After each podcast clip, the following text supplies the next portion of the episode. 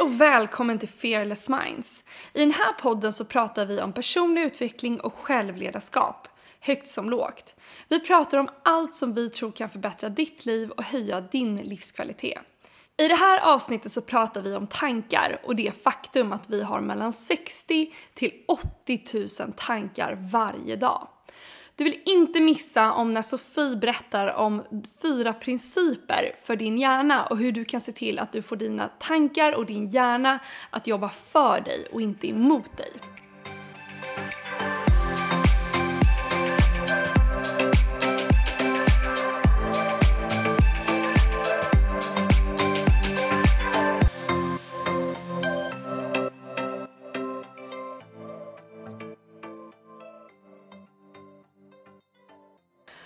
Sofie, idag så ska vi prata om det här med tankar och det faktum att vi har mellan 60 till 80 000 tankar per dag. Och det är ju brutalt många tankar. Och dessutom så sägs det att 90% av alla de tankarna som vi har idag var samma tankar som vi hade igår. Alltså att vi går runt och upprepar och har i princip samma tankar om och om och om igen. Och det är bara 10% av de här tankarna som faktiskt är annorlunda från de som vi hade igår. Och det här är någonting som, är, som jag tycker är superintressant och jag vet att du också tycker det. Just med tanke på att våra tankar leder ju till val. Och våra val, de leder ju till beteenden. Och våra beteenden, de leder till upplevelser och våra upplevelser de lever till känslor. Så att kan vi börja här med våra tankar och börja skifta våra tankar, bli medvetna om våra tankar så kan vi sen då i slutändan påverka de valen vi gör, de beteenden vi har, de upplevelserna vi får och sen också vilka känslor vi går runt med. Vad tänker du kring det här med just med, med tankar? Vad, vad har du för, för input på, på hela den, på det här mastiga grejen? Eller hur? Nej men jag tycker att det är jättespännande just det du var inne på precis här nu i introduktionen, att vi har ju så otroligt många tankar per dag, men att absoluta majoriteten går på någon form av autopilot, liksom på någon form av repeat som vi inte ens kanske är medvetna om, utan det är väldigt mycket samma sak. Och att jag tycker det är spännande just det här, för det första att en tanke, vad är det egentligen? Alltså man har ju sett i forskning då att alltså när vi tänker en tanke, då sker det liksom blixtsnabbt som kopplingar mellan synapserna i vår hjärna. Så om du tänker en tanke, då är det liksom jättesnabbt, en, liksom en supersnabb koppling som en liten väg i hjärnan kan du tänka som sker supersnabbt. Eh, och ju mer du har tänkt en tanke, desto liksom mer upparbetad är det spåret i hjärnan, den vägen. Och det är här vi brukar tänka på då att har man tänkt vissa tankar som man har tänkt så pass mycket, att man har tänkt dem så ofta, då blir de som motorvägar i vår hjärna. Det vill säga att det finns typ ingen motstånd till de tankarna. Det går bara superlätt att tänka dem. Och det är därför det kan vara så svårt att tänka nya tankar. För det är ju som vi sa i något annat avsnitt, det är ju som att, att be hjärnan, liksom, man åker på den här motorvägen och så bara, men du sväng in höger här och gå på den här snåriga stigen i skogen. Det är ju bara så här, men det är jättejobbigt, det är ju motigt.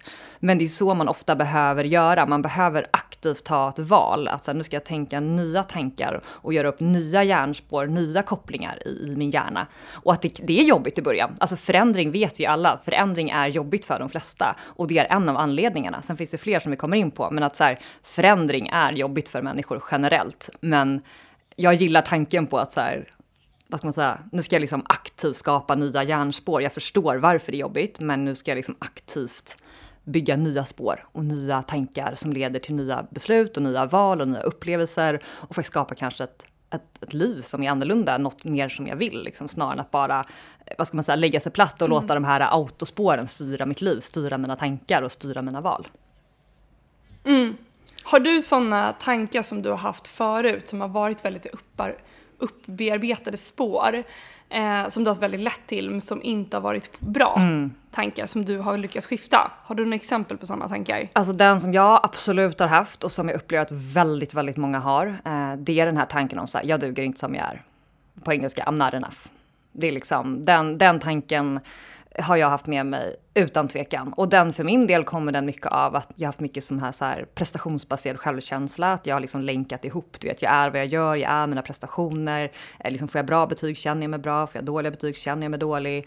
Eh, att jag hela tiden fått höra det här vad duktig du är och kopplat det till prestation och så vidare. Och med all reklam man har fått, hela samhället bygger på att så här, du duger inte som du är. Du behöver den där eh, krämen eller kläderna eller köpa det där eller gå ner i vikt eller vara snyggare. Alltså hela så här, reklambudskapet är ju någonstans inbyggt i att duger inte som du är. Du behöver något för att känna dig lite bättre. Eh, och det har varit en sån grej, vilket jag har gjort då att i och med att den tankebanan har varit så upparbetad så har det varit så lätt att i situationer kanske något har gått dåligt, man har misslyckats på något eller man har en dålig dag, så har man så lätt att gå till den tanken. Historiskt sett har jag haft det, så här, men jag, jag duger ju inte. Jag är inget bra. Alltså slå ner på mig själv.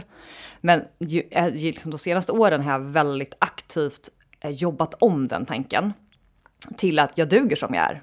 Liksom, jag är tillräcklig. Och det har varit rent krasst mycket repetition. Alltså vi pratade om det i något annat avsnitt. Det har ju varit att så här, sätta upp den här, som kändes då tyckte jag, fåniga lappen, men som gör väldigt mycket liksom, på badrumsskåpet. Det handlar om liksom, när jag mediterar, att så, upprepa det som ett mantra. Liksom, så här, jag duger som jag är, jag är tillräcklig, jag är bra nog.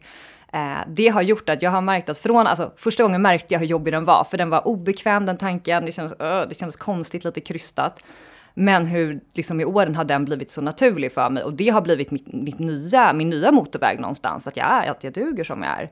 Vilket gör att eh, helt plötsligt har det blivit mitt nya normala, om du förstår vad jag menar. Ja, verkligen. För det är ju verkligen så med, våra, med vår hjärna, eller vi, som människor, att vi dras ju till allting som är familjärt och det som skapar trygghet. Även om det inte är positivt så är det ändå dit vi dras. Så att genom att gå in och kolla till exempel Facebook eller Instagram på morgonen eller läsa nyheterna och ta samma väg till jobbet, träffa, träffa samma, samma människor.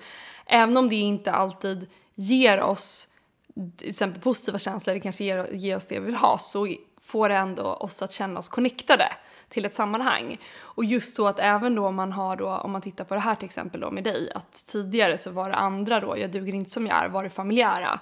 Och även om det inte är positivt och sen att byta, att det fortfarande är jobbigt, även om den nya tanken då att jag duger som jag är, är, eh, alltså den, den är främmande och det på något sätt är ju en liten jobbig process. Fast sen när man väl börjar bygga upp det mer och mer så blir det att, att eh, man blir mer liksom, ja, man får, det, det blir the go-to place och det är den tanken man börjar bygga upp. Och jag tror att hela det skiftet, alltså för, för min del också, att så här, med tankar som jag haft att när man väl börjar säga då motsatsen, om man till exempel gått runt och tänkt att men jag gillar inte mig själv eller jag kan inte det här eller jag är inte smart nog eller vad det är än för tankar som man har haft.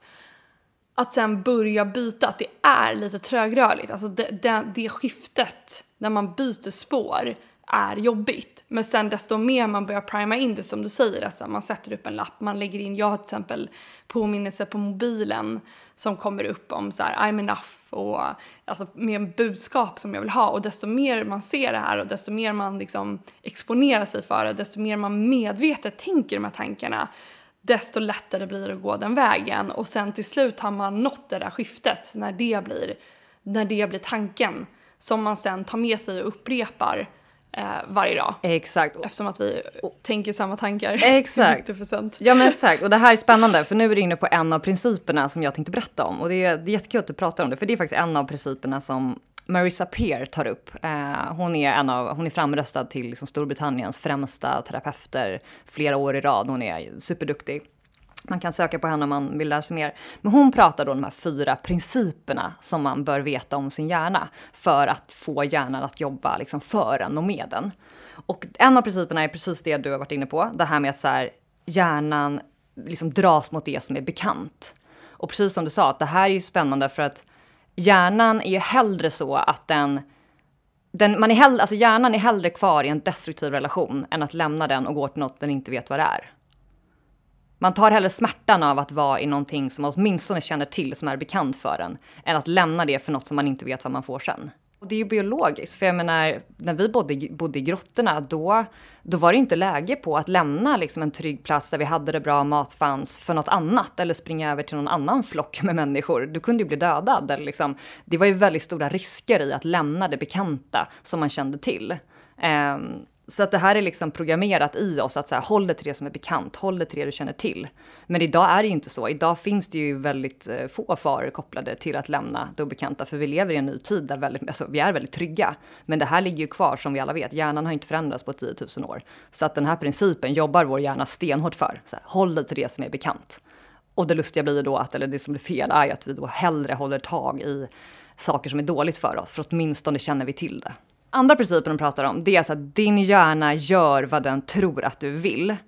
Så hon menar på att man ska vara väldigt så specifik och noga med hur man kommunicerar med sin hjärna och vilka ord man liksom väljer.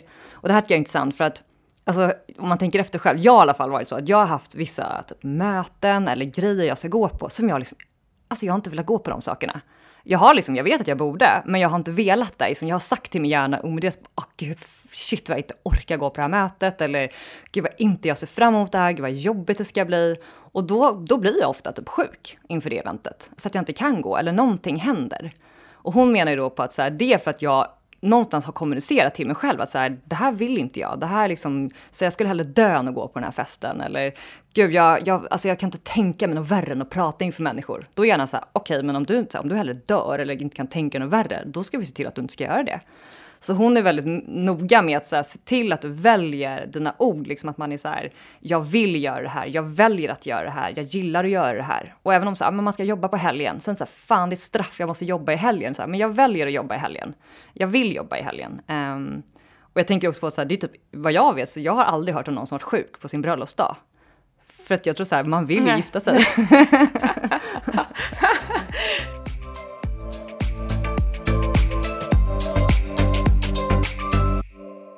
verkligen så här, bli medveten om vad det är man har för tankar. Till exempel att gå och träna kan ju vara en sån sak. Där man känner att så här, men jag orkar inte gå och träna. Och då att istället säga till sig själv då att så här, men jag det här mår jag så himla bra av att göra och jag älskar att känna när jag får röra mig, alltså när jag älskar att känna, känna min kropp och jag älskar att känna mig stark och jag älskar att känna mig frisk och hälsosam.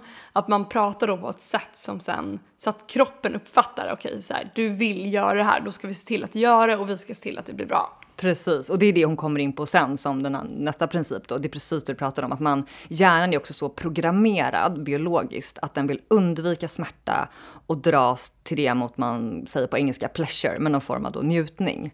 Det vill säga, alltså det är också så här, tyckte jag var ganska in, alltså bara så här, en insikt i sig att så här, min hjärna är ju inte programmerad för att göra mig lycklig.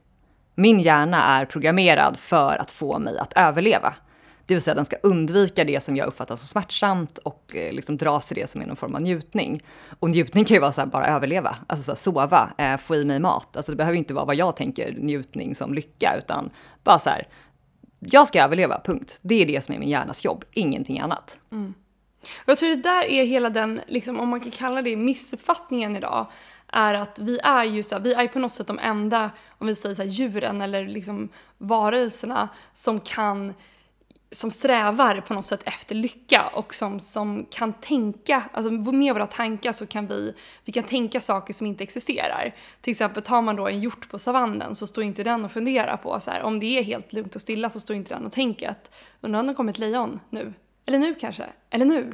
Eller nu? Utan det är så här, den är, den är i nuet och är det så att det kommer, det, det hörs något ljud från gräset, så här, då kommer den reagera i stunden. Men vi människor har ju den förmågan att tänka på saker som inte existerar. Och sånt som, så att vår hjärna vet ju inte om det här är, om det är på riktigt eller om det är på låtsas. Och just det att så här, missuppfattningen är då att vi tror att vår hjärna ska göra oss lycklig. Men som du säger, alltså, vår hjärna är till för att hjälpa oss att överleva. Men just att vi har den förmågan, alltså det är som att vi åker runt med en Ferrari som är superavancerad i tanke med just hur vi kan använda vår hjärna. Just att vi kan tänka på saker som inte existerar, vi kan oroa oss för saker som ännu inte har hänt. Vi kan visualisera det som vi vill ha som ännu inte har hänt. Ännu inte har hänt.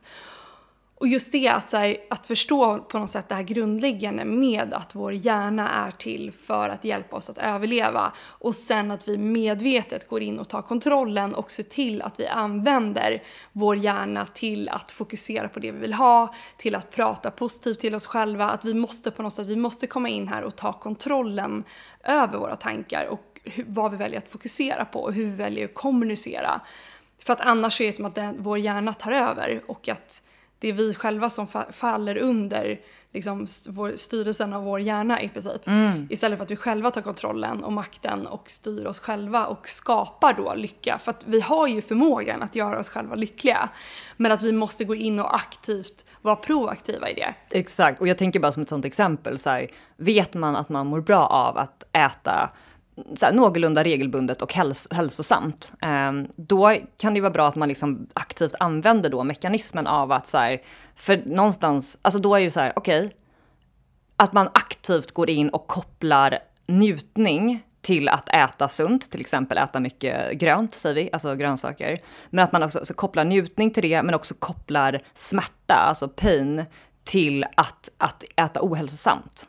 Alltså att man liksom hjälper sin hjärna att förstå att äter jag bara ohälsosamt så kommer jag få sjukdomar, bli överviktig och typ kanske dö i förtid. Jag kommer bli trött, jag kommer inte må bra, jag kommer inte tycka om mig själv. Alltså att man liksom väldigt aktivt använder den här principen. Alltså att hjärnan är så okej, okay, men då vill inte jag äta massa godis hela tiden och, och ohälsosamt. Då vill ju hjärnan, då har hjärnan fått en order, kan, brukar jag tänka det som. Att säga, okej, okay, men jag vill ju ta mig till det så får mig att överleva. Om jag äter mycket frukt och grönt, då överlever jag, då mår jag bättre. Därför är jag njutning. Bra, då kör vi på det. Och det kan låta enkelt, men det är så pass enkelt. Jag jobbar jättemycket med det här själv. Jag har verkligen så här omprogrammerat mig. Innan så tyckte jag typ att det var... Ja, men jag kunde tycka att det var ett straff att inte få äta så mycket godis och socker som jag ville. Och nu, är jag, alltså, nu har jag liksom inte gjort det till ett straff, för då är det liksom mycket, alltså är det ett straff att inte få äta godis, då är det mycket smärta kopplat till det för hjärnan. Men nu har jag gjort det till en njutning att få äta frukt och grönt istället. Jag tänker verkligen äta det, så det här är bra för min kropp, jag får de näringsämnen jag behöver, mina celler kan förnya sig, jag kan liksom ha, få ett bra immunförsvar, jag kan leva längre, finnas för mina barn. Alltså så här, jag har verkligen börjat koppla det till njutning, vilket gör att jag också har, jag märker att jag har väldigt mycket lättare för att äta hälsosam mat idag än vad jag haft tidigare. Ja men det där är grymt. Och just det att du som lyssnar, att fundera på vad är det som du vill få in, vad är det för vanor du vill få in eller vad vill du göra mer av? Och att dels för, för det första bara bli medveten om vad du har för dialog till dig själv kopplat till det. Låt säga då att hur det handlar om vad du äter eller träna eller om det är så att du kanske vill, du vill starta ett eget företag och du har inte tid att liksom lägga ner tid på att bygga upp det här till exempel. Men att verkligen börja ändra då tankes, hur du pratar till dig själv och till din hjärna. Och samma sak där, till en början så känns det väldigt så här, konstigt och det känns som att man bara ljuger till sin hjärna. Men sen efter ett tag så är det som att då, då är ju kroppen med och att det, det landar. Men att man behöver säga det, det är liksom som ett nytt språk eller ett nytt mantra som man måste ta till, till sig själv. Eh, men att bli medveten om det och sen ändra sitt språk. Och sen en sak där som, jag, som Marissa tagit upp eh, tidigare är just det här med att man att vår kropp går igång på att använda väldigt starka ord. Så att istället för så här, ja men det blir bra att gå och träna, så kan man säga istället då att det kommer bli så himla fantastiskt att göra det här träningspasset. Jag kommer verkligen njuta så fruktansvärt mycket när jag gör det här. Det kommer att kännas jätte, jättebra. Och det här kanske känns väldigt överdrivet att säga sånt, men det, det faktum är att vår kropp går igång på att använda starka ord. Just det här med att så här, nej men det, jag mår bra av att äta nyttigt. Det kommer inte vår kropp liksom gå igång på, eller vår hjärna kommer inte gå igång på det. Utan, så att försöka att, och även det här ju, handlar ju väldigt mycket om hur man pratar till sig själv, så man behöver inte säga allt det här högt. Men att just då testa att använda starkare ord Eh, för att, eh, vad säger man, reinforca som man säger på engelska, för att reinforca till förstärka. dina tankar ja. om vad du vill göra. Ja, förstärka, exakt. Och, precis, och det här är den sista principen hon pratar om, att precis det du är inne om, att så här, hon menar på att så här, bilderna du liksom, vad säger man, bilderna du föreställer dig i ditt huvud och orden du säger till dig själv, någonstans dina tankar, det är det som styr väldigt mycket av din hjärna. Så att hon ger ett ganska enkelt exempel, men som jag tycker är ganska spännande för att förstå vidden av det här. Det är om, så här, om du blundar nu bara Maria, och även ni som lyssnar. Och så tänker du att du har en citronklyfta i handen. Och så för du den här citronklyftan mot din mun. Och så biter du i den här citronklyftan och det rinner sur citronsaft längst med liksom din mun i kinderna och det dryper om den. Du biter tag ordentligt. Vad händer för dig när jag säger det här? Det börjar rinna saliv i munnen. Kan du också känna att det är surt? Alltså kan du se det framför dig? För så var det för mig när jag gjorde den. Att jag verkligen, jag blev så här, oh, jag kunde typ nästan rysa till lite när jag kände att jag bet i den här citronen. För jag tänkte verkligen på den här sura ja. saften och liksom, jag kan verkligen se den framför mig, den här gula. För mig blir det som en film nästan spelas upp. Mm, ja men det känns så obehagligt i munnen att när man tänker på det. Och sen då i tanke, alltså man känner att kroppen börjar producera saliv för att skölja bort den här starka citronsaften. Exakt, och hon menar ju på att så är det med alla våra tankar. Det är kanske lätt att förstå det när man föreställer sig sur citron. Men så här är det ju med allt. Alltså, eh, till exempel, bara ett annat exempel. Jag vet att jag har ju fått tre barn.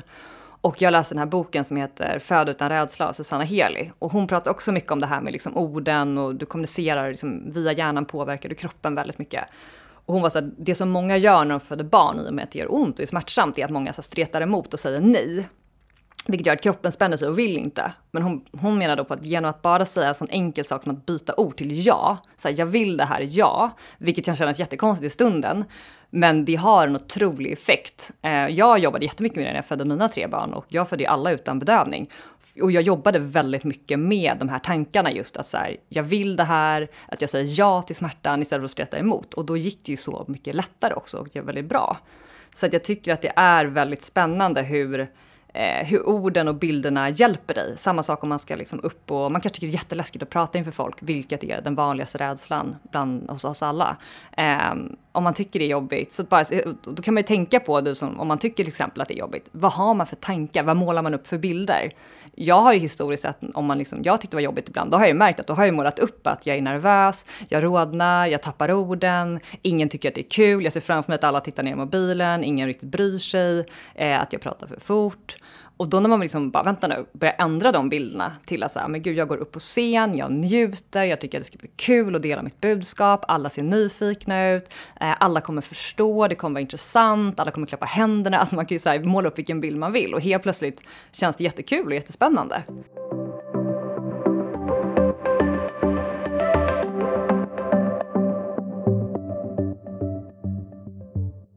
Jag tar med mig det här med att säga ja, för att jag tror att det är så lätt att man har då igen då per autopilot saker som man då kanske bör göra men som man inte tycker är kul eller som man tycker är jobbigt. Att man, det är så lätt att bara gå till det här med att säga nej. Och man behöver inte säga det högt men att man går runt och säger det till sig själv. Och just att bara skifta ett nej till ett ja. Och sen är det ju ofta så att vi på morgonen när vi vaknar så är det ju väldigt vanligt, och så här vaknade jag varje morgon förut. Nu gör jag det väldigt mycket mer sällan, just för att jag är medveten om exakt det vi pratar om. Men att det är så lätt att vakna på morgonen och börja med att tänka på problem man tänker på problem i det förflutna för att på något sätt när man vaknar upp på morgonen så finns det ju ofta inga direkta problem man behöver ta tag i utan man tänker ofta tillbaka på det som har varit, vad någon sa i något möte, eh, saker som har varit i det förflutna som man måste ta tag i. Det är så lätt att falla tillbaka i det förflutna, det första man gör på morgonen och börja tänka på alla problem som existerar. Och grejen är att vi kan aldrig, vi kan aldrig tänka bättre, eller högre om man säger så. Vi kan aldrig tänka bättre än vad vi känner. Så att om vi går runt och känner ångest eller rädsla så kan inte vi nå bättre tankar än tankar kopplade till ångest och rädsla.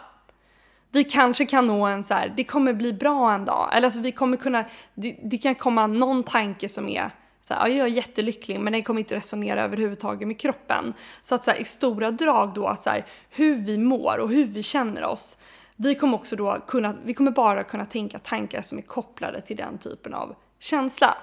Så att det är så viktigt här på morgonen att just för att sätta den här, en tydlig riktlinje för sin dag och att se till att man sätter sig själv på ett spår som leder till liksom en, en väldigt härlig dag. Att inte börja med att tänka på problem utan att börja fokusera istället på det man faktiskt vill ha, hur dagen kommer bli, man kan börja med att visualisera, man kan tänka på saker man är tacksam över, det är jättekraftfullt att tänka på tacksamhet. Men det är så lätt sen annars att man säger som de flesta människor lever sitt liv, att man börjar dagen då med att tänka på problem och sen så äter man samma typ av frukost, man sätter på sig ja, samma typ av kläder för att åka till jobbet, man tar samma väg till jobbet, man träffar samma typ av människor. Och där, i det här, så tänker vi då samma typer av tankar och vi skapar en undermedveten programmering i kroppen. Att det är så här vårt liv ser ut. Och det är på något sätt, det sker per autopilot. Och vi väljer, vi gör inga aktiva val i det, vi bara följer med livet som det brukar vara. Och det kan vara, återigen, det kan vara väldigt bekvämt och tryggt. Men frågan är om den autopilot som man har idag, är det den vägen som gör dig lycklig? Är det här den bästa vägen för dig? Exakt. Och, och just att börja då bli... Ja, förlåt. Hoppa, Nej, förlåt. Nej, men exakt. Och just det där som du är inne på att, att den det blir som en autopilot. Det blir väldigt enkelt och väldigt bekant och det blir liksom ett, vad säger man, repetitivt beteende. Alltså just det, autopiloten, det är väldigt, vad säger man, effortless på engelska för kroppen. Och din hjärna och kropp vill ju hela tiden hitta effektiva, smarta vägar så att den inte behöver lägga energi på att fundera ut hur den ska klä på sig kläderna, hoppa in i, ja, om man tar bilen till jobbet eller om man cyklar eller går eller vad man än gör. Alltså din hjärna vill ju så här, den är ju också väldigt inne på att effektivisera och spara energi. Så att det är också väldigt lätt för hjärnan att ta de där snabba, enkla eh, autobeteendet. Men precis som du är inne på, om man hela tiden går på den lätta vägen så kommer inget nytt hända. För du upprepar ju bara samma tankar, samma beteenden hela tiden och ditt liv blir ju bara exakt samma sak.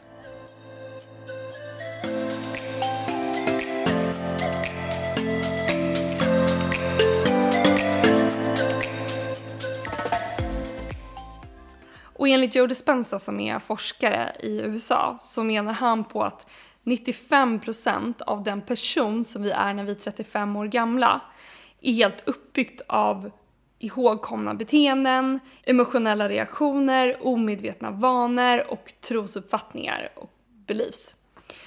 Så att det här har då under våra år, fram till då att vi har blivit 35 år gamla, så har det här blivit som ett datorprogram som finns i vår hjärna och det ligger i vårt undermedvetna då och styr oss. Och det är, det är det här som vi sen agerar efter. Så att vi måste se till då att bli, vill vi bryta det här, ser man då på sitt liv och ser att men ja, nej det kanske inte är helt optimalt som det är just nu. Då måste man bli, börja med att bli medveten om sina tankar. Vad tänker jag om den här situationen? Vad tänker jag om den här personen? Hur reagerar jag i det här sammanhanget? Och börja bli, och bli medveten om vad det är som sker och sen aktivt då gå in och börja byta tankar. Att byta då till exempel, jag kan inte det här eller jag vill inte det här till att det här kommer bli jättebra, jag testar det här, jag klarar av det här. Att aktivt byta då negativa tankar kring någonting till tankar då som man vill ha istället.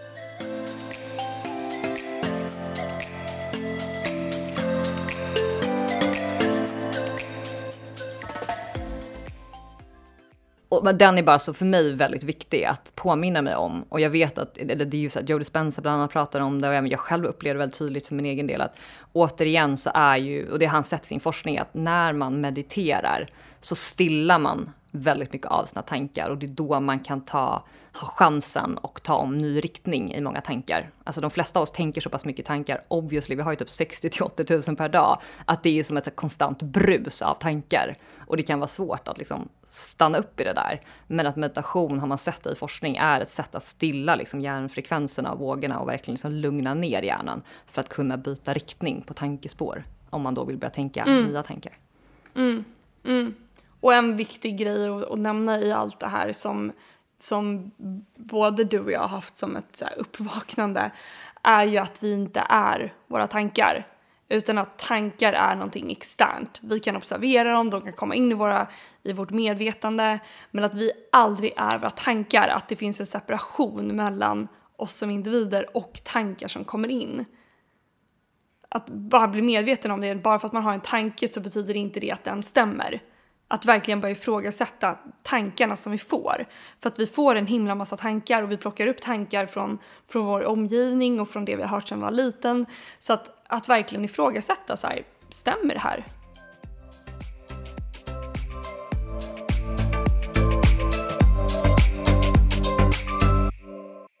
Och för att sammanfatta de fyra principerna vi har pratat om här i avsnittet så kommer de här. Första principen, din hjärna gör vad den tror att du vill. Så att se till att använda väldigt specifika ord och ord som jag vill, jag väljer att, jag gillar att. Två, din hjärna är programmerad att undvika smärta och dras mot njutning, eller pleasure som det heter på engelska. Så se till att länka njutning till det du vill och smärta till det du inte vill. Princip nummer tre.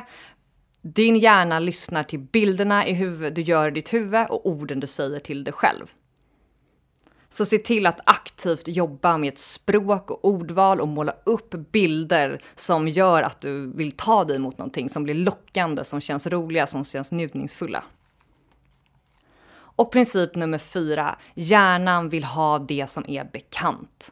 Så den vill hellre ta smärta av det som, även om något är bekant, så tar den hellre smärtan av det än att gå till något obekant som den inte vet vad som det är.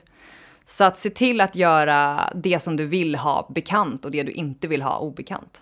Så om du till exempel är en person som har för vana att lyssna på den här podden men att sen inte göra veckans övning, se till att göra det tvärtom då. Se till att börja göra övningen så att det blir det vanliga för dig, det bekanta. Att du lyssnar på podden och sen gör övningen. Det vill säga, gör det bekant till att vara en person som genomför saker och ting. Och dagens övning handlar om att du som lyssnare ska ta ett område i ditt liv där du känner att du sitter lite fast eller du tar inte framåt så fort som du vill. Titta på det här området och se hur du med princip 1, det vill säga hur du kan använda väldigt mycket av ditt språk och det här med att eh, du fokuserar på vart du vill. Eh, använd den principen. Så exempelvis om man är singel och man kanske brukar ha tankar som eh, jag hatar att gå på dejt, jag dör hellre än att gå på de här dejterna, jag kommer aldrig träffa någon. Tänk på då att ändra de ord, ordvalen och meningarna till liksom att jag vill gå på de här dejterna, jag tycker om att gå på dejter, jag vill träffa någon, jag litar på att den där ute för mig finns någonstans, jag vill det här. Och vill du vara säker på att inte missa ett avsnitt, se då till att gå in och prenumerera på podden. Det gör du enkelt via podcasterappen. Och gillar du den här podden så får du jättegärna gå in och ge oss en femma i betyg på iTunes. På så sätt så hjälper du fler att hitta podden.